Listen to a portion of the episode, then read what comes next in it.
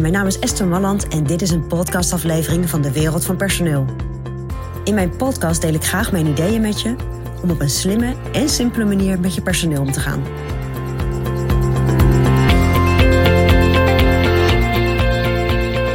als ondernemer heb je natuurlijk heel veel aan je hoofd. En als het goed is, als jij de gemiddelde ondernemer bent, word je geleefd. En uh, vliegen je dagen voorbij, dan moet je aan heel veel dingen denken. Je hebt heel veel verschillende petten op en iedereen vraagt je aandacht. Nou, klopt dat een beetje? Volgens mij wel. Hè? Wat een hele interessante is en wat blijkt dat gewoon heel effectief is, is als je soms even een time-out neemt en even gaat nadenken over een aantal zaken. En ik wil natuurlijk vooral benadrukken dat het belangrijk is om na te denken over je personeel. Denktijd nemen, echt even een time-out nemen en eens gaan zitten en nadenken. En gewoon eens nadenken hoe het gaat met je personeel. Over de hele linie, hoe jij dingen hebt geregeld, maar ook over de individuele personeelsleden. Dat kan heel effectief zijn. De klanten waar ik heel veel mee werk, die hebben ook allemaal inmiddels, nou ik denk bijna allemaal, een, uh, een zandloper van mij gekregen. En die zandloper die loopt een kwartier. En ik zeg wel eens, joh, uh, zet hem gewoon op je bureau.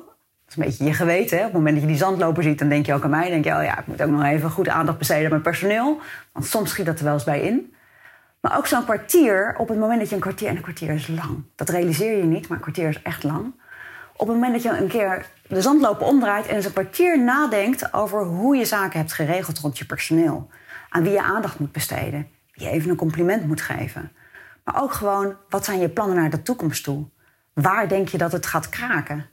Of waar denk je juist, ja, daar moeten we juist terrein pakken of daar moeten we juist mensen op in gaan zetten? Wat ik wil zeggen is, ren jij alleen maar door? Of neem je ook wel eens denktijd? Want de goede leiders, en dat kan je lezen in allerlei boeken, maar ook uit de verhalen van, uh, van mensen die succesvol zijn, die geven veel ruimte aan denktijd. Die gaan gewoon even zitten en die gaan eens nadenken.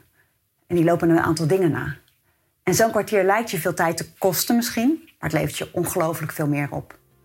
Dus dat is mijn persoonlijk advies vanuit de wereld van personeel. Neem even wat denktijd.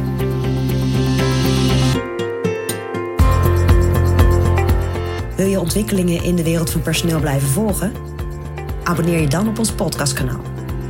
Ook op onze website vind je allerlei slimme ideeën en adviezen. Dus kijk even rond op www.dewereldvanpersoneel.nl.